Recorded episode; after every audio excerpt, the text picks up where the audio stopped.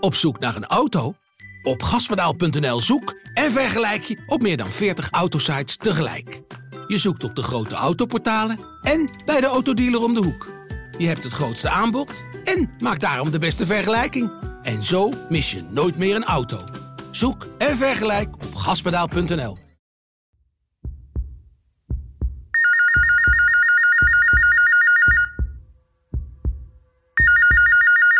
Hi, met Astrid.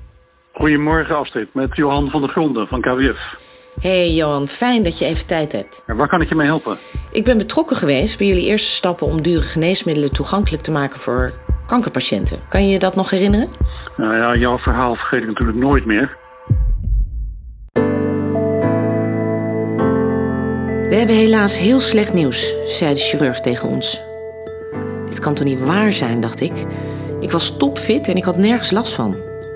Er zijn 16 uitzaaiingen in jouw lijf gevonden en twee tumoren in je hoofd, zei hij ernstig. Ik kon gewoon niet geloven dat dit over mij ging. Dit was het slechtste nieuws wat ik kon krijgen. De gemiddelde overlevingstijd van iemand met hersenuitzaaiingen was tussen de twee en vier maanden. Ik kon alleen maar denken aan mijn drie hele jonge kinderen. Na een tijdje zei ik: Ik hoor wat u zegt. Ik begrijp hoe ernstig het is. Maar ik wil echt alles op alles zetten om te vechten voor mijn leven.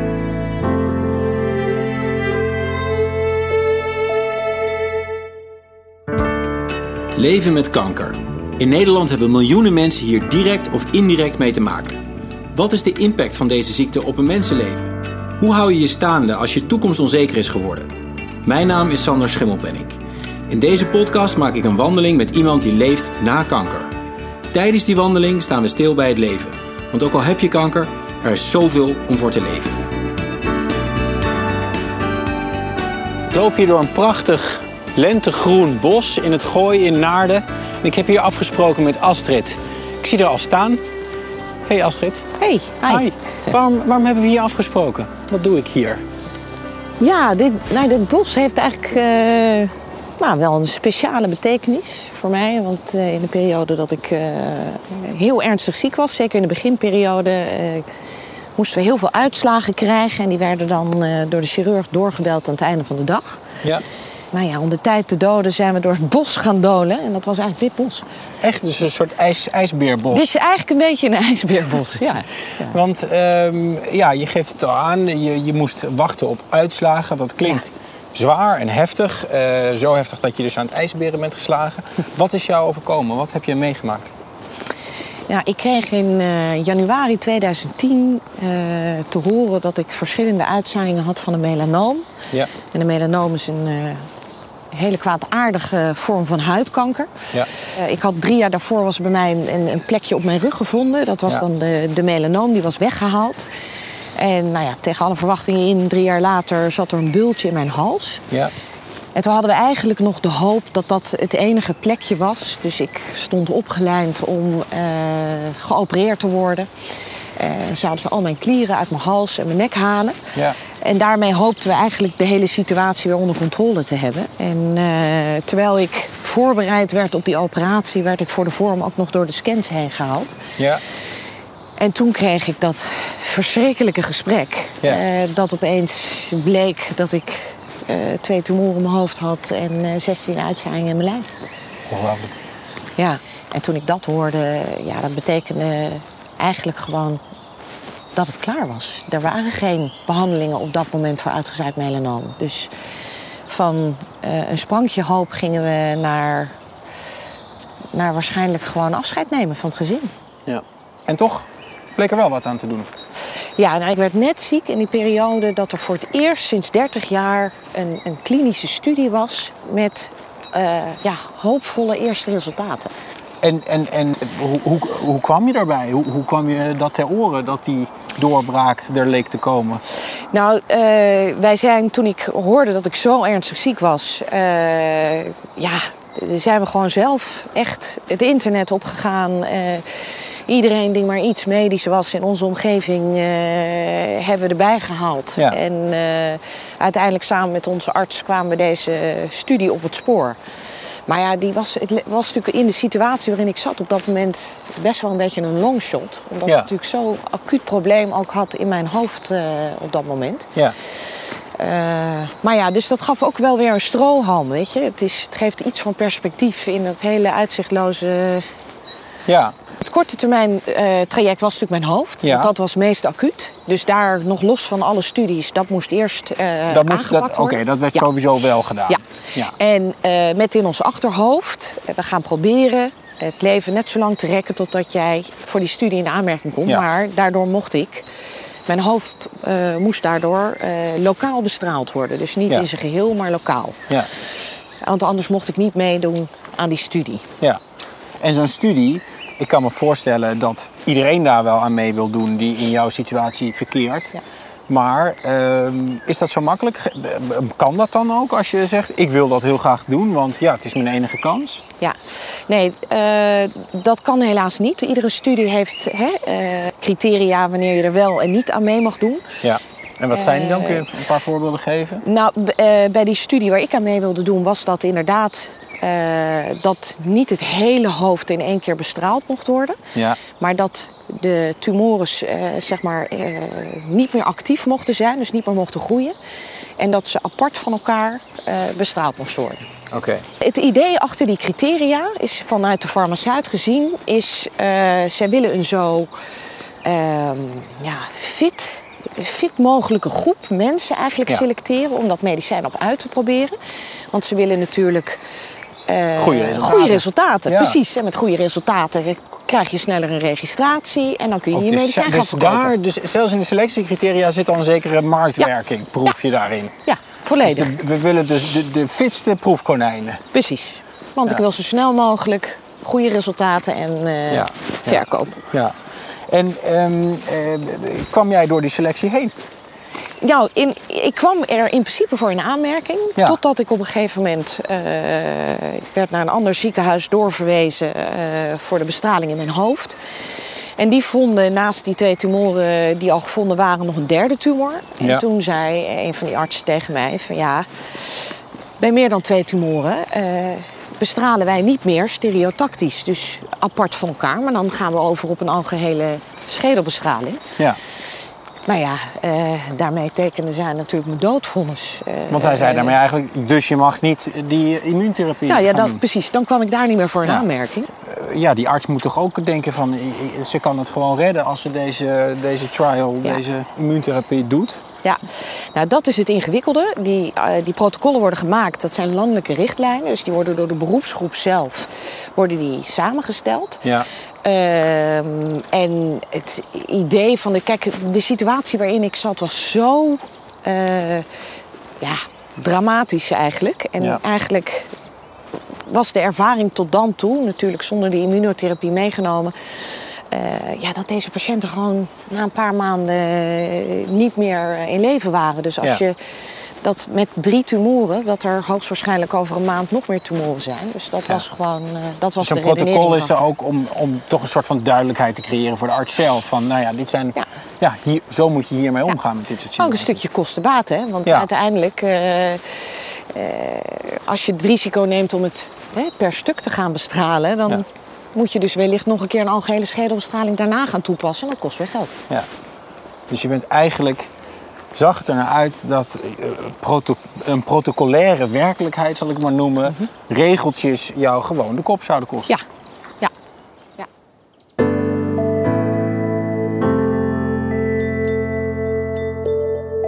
Met drie tumoren kunnen wij u niet meer plaatselijk bestralen, had de arts gezegd. Om drie uur 's middags stortte mijn wereld in. Een nieuwe ronde van bellen en rondvragen begon. Kon ik echt niet ergens plaatselijk bestraald worden? De volgende ochtend kreeg ik in een ander ziekenhuis een nieuwe strohalm aangereikt. Ik ga me toch niet door een protocol laten vertellen wat ik wel en niet moet doen, zei een Vlaamse arts van achter zijn bureau. Tegenover mij zat mijn nieuwe held. Ik maakte door hem nu nog kans op de trial. Nou ja, nadat ik al gehoord had dat dit ziekenhuis inderdaad eh, echt niet bereid was het protocol los te laten, dan stort je wereld eigenlijk opnieuw een beetje in. Want dan, dan is ook die laatste strohalm natuurlijk eh, weggeknakt. Ja. Maar toen zijn we gewoon weer opnieuw gaan bellen en gaan eh, mailen. En gewoon alles en iedereen in onze omgeving eh, ingezet. En toen kwamen we eigenlijk aan het einde van die dag... kwamen we via via terecht bij een radiotherapeut in Tilburg. En eh, deze man die bestudeert mijn foto's. En die zegt tegen mij, ja, ik zie het probleem niet. Ik heb hier een apparaat staan wat tot zeker tien kleine tumoren in haar hoofd kan bestralen. Ik ga mij toch niet door een protocol laten vertellen wat ik wel of niet mag Het is doen. een beetje een rebel. Gewoon eh, iemand die denkt... eh, Een beetje een rebel. En het is denk ik de meest... jongetje van de klas. Weet je wel. Terwijl het echt denk de meest integere persoon is die ik ooit heb leren kennen. Ja, die heb, je Eh, soms, die heb je dan wel nodig. Nou ja, dit, dit was mijn nieuwe held. Ja, Deze man... eh, ja, ja. En toen, en toen hij heeft jou bestraald. ja. En daardoor mocht je meedoen aan die trial. Ja, nou dat was nog een heel proces daar naartoe. Want eerst werd ik bestraald en eh, heel succesvol. Want die tumoren wa- waren ook na drie maanden niet alleen stabiel, maar ze waren gewoon helemaal weg. Dus Ja. dat was echt wel een spectaculair resultaat. Ja. Maar toen had ik natuurlijk die andere Dus je, bleek eigenlijk een heel fit eh, proefkonijn te zijn. Ja. Onderliggend. Maar precies. Ja. Mij wilde je hebben. nee, maar eh, nee, toen ben ik eerst geopereerd eh, aan, aan, aan alle andere tumoren die er zaten. Ja. En toen ja, zijn we het gaan, gaan monitoren. En daar kwamen ook al deze rondjes in het bos vandaan. Ja. Eh, en dat ging een paar maanden goed. En toch uiteindelijk werd het ja, weer progressief. En waren er toch weer nieuwe uitzaaiingen gevonden. En eh, toen moest ik starten met de chemotherapie. Want je moet eerst eh, helemaal uitbehandeld zijn, wilde ik, voor die medicijnen in aanmerking komen, die Ja. immunotherapie. Ja, toen was ik eindelijk eh, aan de beurt, of in elk geval klaar om, om voor de immunotherapie. En inmiddels was de immunotherapie, had de farmaceut, die had alle trials afgerond. Ja. En eh, inmiddels ingediend voor registratie. Maar omdat de eerste resultaten dusdanig hoopgevend waren, dan mag een farmaceut eh, bewijs van uitzondering omwille van compassie het medicijn gratis verstrekken aan helemaal uitbehandelde patiënten. Ja. Nou, in die categorie zat ik. Eh, en eh, dat mogen ze alleen doen tot het moment dat het geregistreerd wordt. Dan Ja. mag het ook wettelijk niet meer. Ja. Eh, dus ik viel echt in die groep onder de compassionate use, zoals ze dat dan noemen. Ja. En Dus eigenlijk nog weer een extra gelukje. ja, nee, eigenlijk wel. Maar ja, uiteindelijk is het een ineens een schakeling van pech en geluk. eh. Ja, ja, ja, nou ja, het is inderdaad moeilijk Ja. om iemand die zo'n zwarte boodschap krijgt... daarna nog van geluk te betichten. Ja. Maar het is wel een beetje Nee, maar zo is het. Ja. Uiteindelijk. eh, Ja. ja. En eh, ja, het is nu elf jaar later, het is eh, 21. Ehm, en je bent er nog. ja. Dus je, je hebt gewoon, het is eigenlijk gewoon helemaal goed afgelopen met jou. ja, hoe bizar, weet je. Dan krijg je eigenlijk te horen dat het eindig is. Dat je ten dode bent opgeschreven. En dan eh, ja, ben je opeens helemaal genezen. Dat zijn wel zulke totale uitersten. Ja, ja dat is mentaal. het is een beetje een cliché, een rollercoaster. Ja. Maar het is, wel, eh, Nee, het is wel wat het is. Ja, nee, totaal. Ja. Ja. En, en, en, en voel, je, ja, voel je dan ook ergens nog ongemak over eh, het belang, laat ik zeggen, van jouw eigen assertiviteit in dit proces? Je kan je voorstellen dat andere mensen die misschien een andere ja, eh, omgeving hebben of eh, niet het netwerk dat jij hebt, ehm, ja, deze assertiviteit niet hadden gehad en nu er niet meer waren Ja. geweest. Nee, ja, dat besef ik me enorm. Ja. En ik moet zeggen, dat is ontzettend wrang. Ja, dat je... eh, Dat dat op zulke cruciale momenten zo'n groot verschil kan maken. Hè? Want het Ja. is natuurlijk eh, een dosis geluk heb je ook altijd nodig. Eh, ja, en zeker met studies en alles. Weet je, het is zo belangrijk dat het gewoon voor alle patiënten die informatie vanaf het eerste moment beschikbaar is, dat je zelf de keuzevrijheid hebt Ja. om. eh, En dus ja, ook ja, tegen, tegen de dokter ingaat een beetje. Door toch te denken van ja, ik ga mij niet Ja. neerleggen bij deze di- Ja. dichte deur. Nee. Ja, precies. Dat je, dat je in elk geval met elkaar een gelijkwaardig gesprek kan voeren. Ja, En, eh, ja. ja. dat is ook een beetje.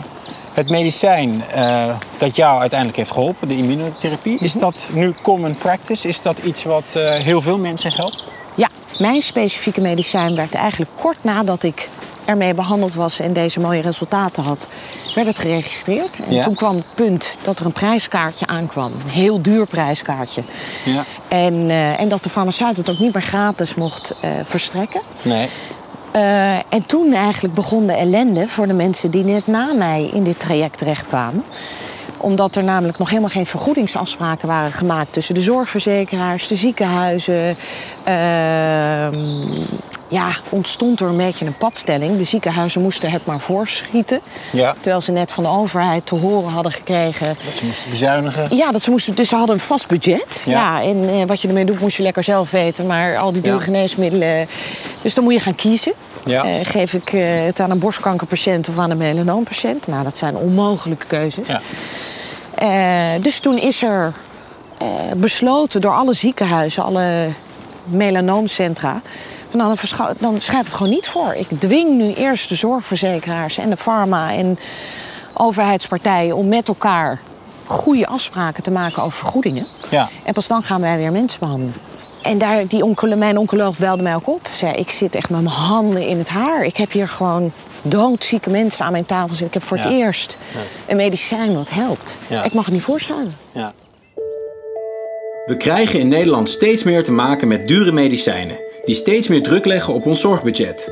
Ik bel met Johan van der Gronden, directeur van KWF. Dag Johan, je spreekt met Sander. Dag Sander, goedemiddag. Fijn dat ik even wat vragen mag stellen. Ehm, laat ik meteen beginnen met een vraag over de prijzen van medicijnen. We horen steeds vaker dat die exorbitant duur zijn. Waarom is dat? Waarom zijn ze zo duur? Ja, dat heeft eigenlijk te maken met eh, het systeem dat we samen hebben afgesproken. Dat zit een beetje uit de jaren 60. Ehm, we beschermen eigenlijk farmaceutische bedrijven heel goed voor hun vindingen. Er gaat veel geld naar onderzoek en ontwikkeling. Het is niet makkelijk om een nieuw geneesmiddel te ontwikkelen. Eh, en we hebben met elkaar afgesproken dat we ja, hele strenge bescherming bieden aan de farmaceutische industrie als het gaat om hun patenten. Ja. Nou ja, dat betekent dat je eh, in, in 15, 15 jaar heel veel geld moet terugverdienen van die investeringen die je hebt gepleegd. En dan zegt de farmaceutische industrie daar natuurlijk ook bij dat heel veel veelbelovende vroege ontwikkelingen uiteindelijk de markt niet halen. Dus je moet niet alleen geld terugverdienen van eh, de tientallen miljoenen of soms honderden miljoenen die je hebt geïnvesteerd in de ontwikkeling van één geneesmiddel. Maar al die geneesmiddelen die wij nooit op de markt zien en waar ze in geïnvesteerd hebben, die tot niets leiden, die moeten ze ook terugverdienen, zeggen ze daarbij. Ja. En, en waarom is het dan zo dat juist kankermedicijnen zoveel duurder lijken te zijn dan andere medicijnen? Ja, klinkt een beetje cru, maar eigenlijk zijn kankerpatiënten zijn eigenlijk ook model voor een, eh, ja, voor een verdienmodel voor de farmaceutische industrie. Want kanker komt veel voor, komt vaker voor. Dus in ingewikkelde termen zeggen wij dan de incidentie neemt toe. Dus in Nederland alleen al 120.000 nieuwe diagnoses per jaar. Maar natuurlijk miljoenen in Europa en wereldwijd nog veel meer. Ja, en kanker is een levensbedreigende ziekte.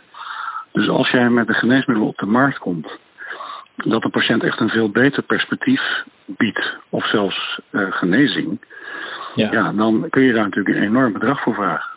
80.000, 100.000 eh, euro voor een eh, behandeling per patiënt per jaar is niks meer. Ja.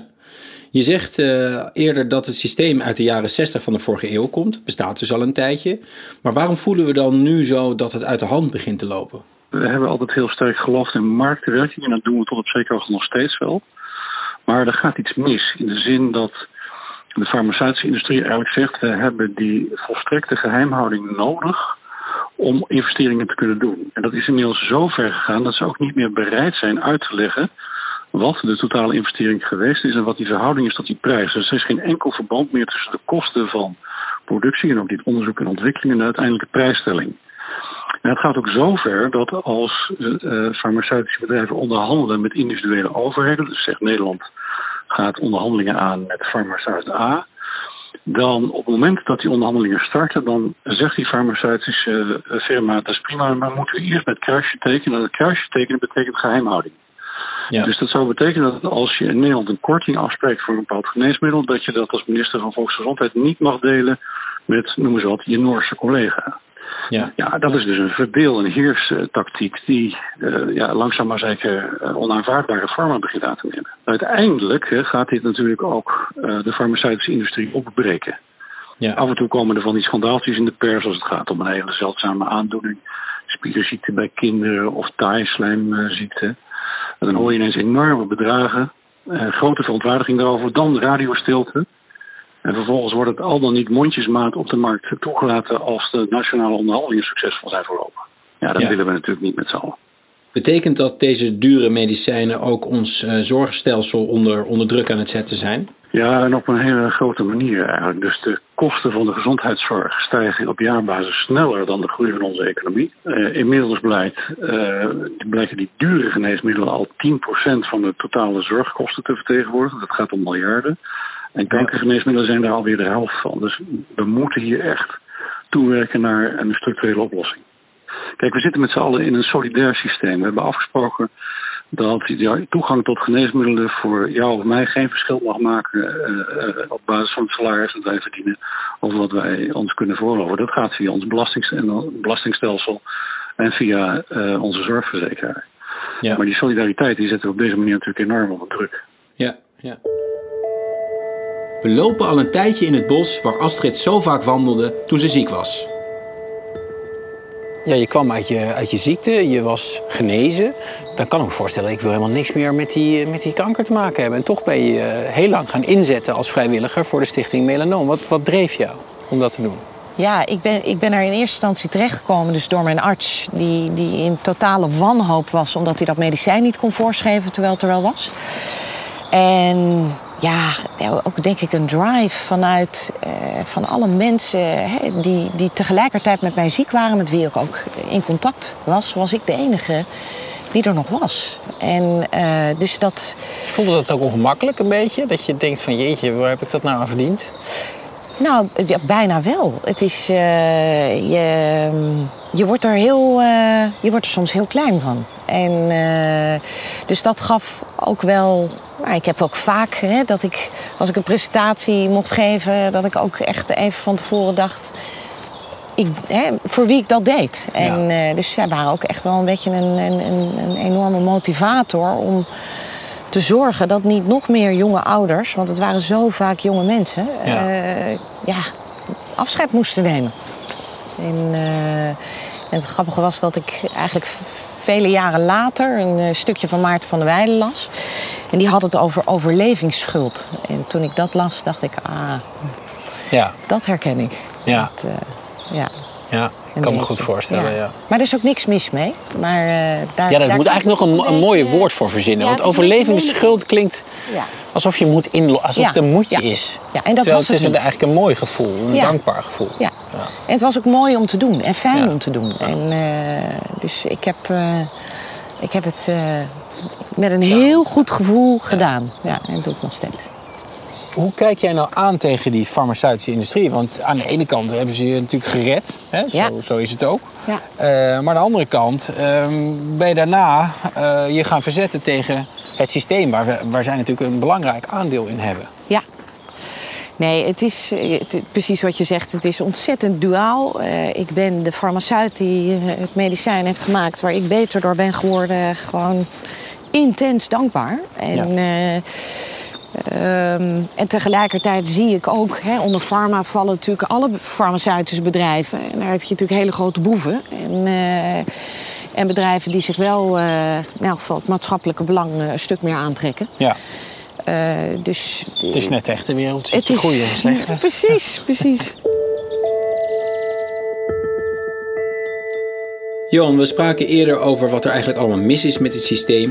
Um, als we nou eens uh, de baas waren en konden, konden voorschrijven waar het naartoe zou moeten, wat, wat, zou je, uh, wat zou je zeggen dat we moeten gaan veranderen? Nou, in eerste plaats uh, moet er sprake zijn van meer transparantie. Dus we moeten echt inzicht gaan krijgen in de prijsopbouw en in die onderhandelingsprocessen. Er zijn ook hele lelijke woorden aan verbonden. Bijvoorbeeld, uh, soms raken geneesmiddelen, hele dure geneesmiddelen, die raken dan in een zogenaamde sluis. Nou, het woord zegt het al, je, gaat, je, je, je verliest echt het zicht erop, de ramen gaan dicht.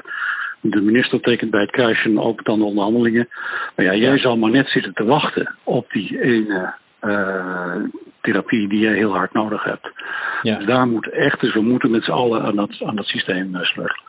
Ja, dus transparantie is een, is een hele duidelijke eerste stap. Ja, en daar heeft KWF, kijk even heel specifiek op het gebied van kankergeneesmiddelen ook echt actie op ondernomen. Dus we hebben een, uh, een twaalftal zusterorganisaties in de Europese Unie bij elkaar gehaald. We hebben daar een netwerk voor opgericht. We noemen dat een European Fair Pricing Network. Dus zeg maar een netwerk om redelijke prijsstellingen voor geneesmiddelen te bewerkstelligen. Wij gaan er gewoon voor zorgen met onderzoeksjournalistieke methoden dat we daar zicht op krijgen, dat we die verschillen aan de orde stellen en dat we daarmee de Europese Commissie en de nationale lidstaten een goed argument in handen te geven om echt verbeteringen te bereiken ten behoeve van patiënten. Jullie gaan met een groep mensen zorgen voor meer transparantie, hopelijk. Leidt dat dan ook tot lagere prijzen?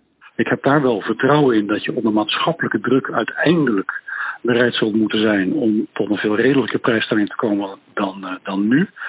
Ja. Uh, dat, dat, is de ene kant van de zaak. En aan de andere kant, uh, we kunnen ook proberen die kennis die we hebben aan academische medische instellingen zo ver te brengen dat als ze eenmaal dicht bij een patent zijn, dat ze dan niet het patent overdragen aan een particuliere firma, maar dat we zelf kijken of we niet tegen redelijke voorwaarden kunnen produceren en naar de markt kunnen brengen. Ja, precies.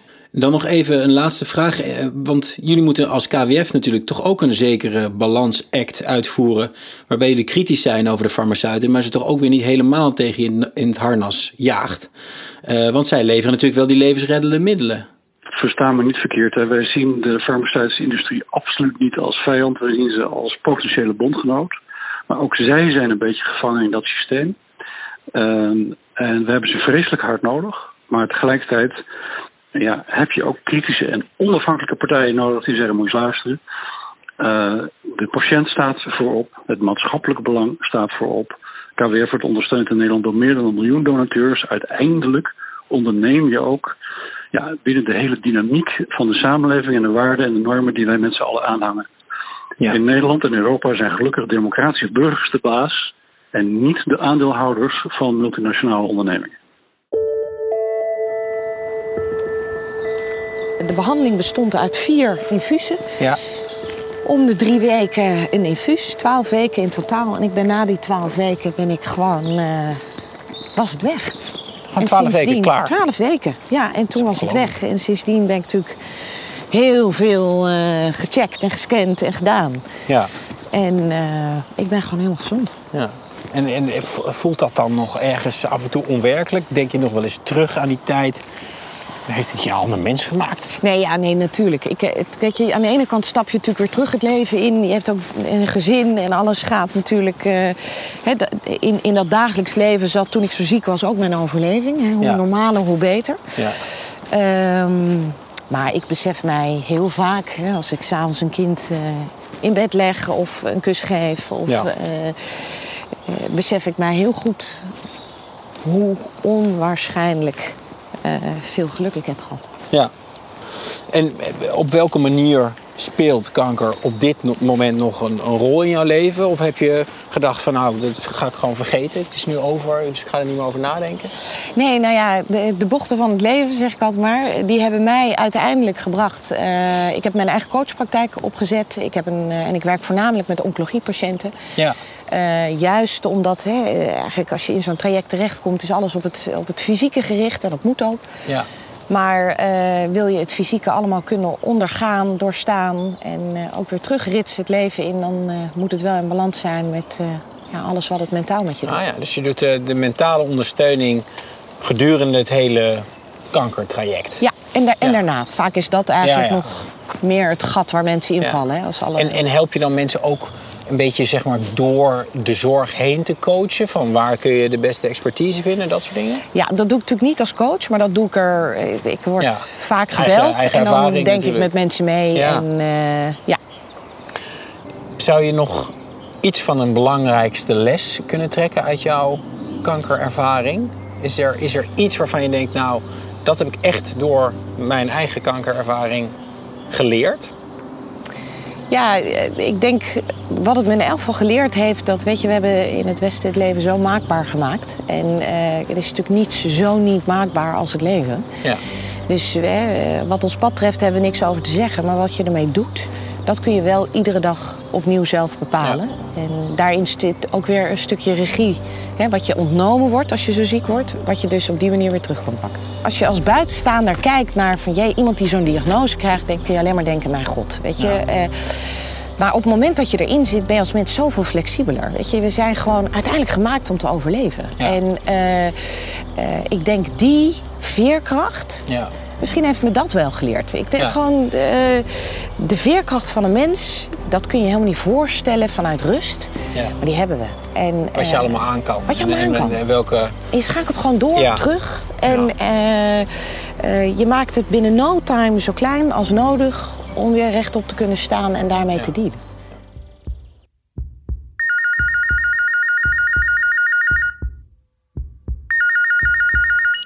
Hi, met Astrid. Goedemorgen Astrid, met Johan van der Gronden van KWF. Hey Johan, fijn dat je even tijd hebt. waar kan ik je mee helpen? Ik ben betrokken geweest bij jullie eerste stappen om dure geneesmiddelen toegankelijk te maken voor kankerpatiënten. Kan je je dat nog herinneren? Nou ja, jouw verhaal vergeet ik natuurlijk nooit meer. Waar kan ik je mee van dienst zijn? Ik wilde eigenlijk vooral weten, want ik ben al even geen onderdeel meer hiervan. Uh, jullie hadden toen Europese plannen om Europees op te trekken. Hoe staat het daarmee? Nou, dan bel je eigenlijk op een heel goed moment. We hebben net afspraken gemaakt met onze Europese samenwerking. In deze podcastserie maken we elke aflevering een wandeling met iemand die leeft met kanker.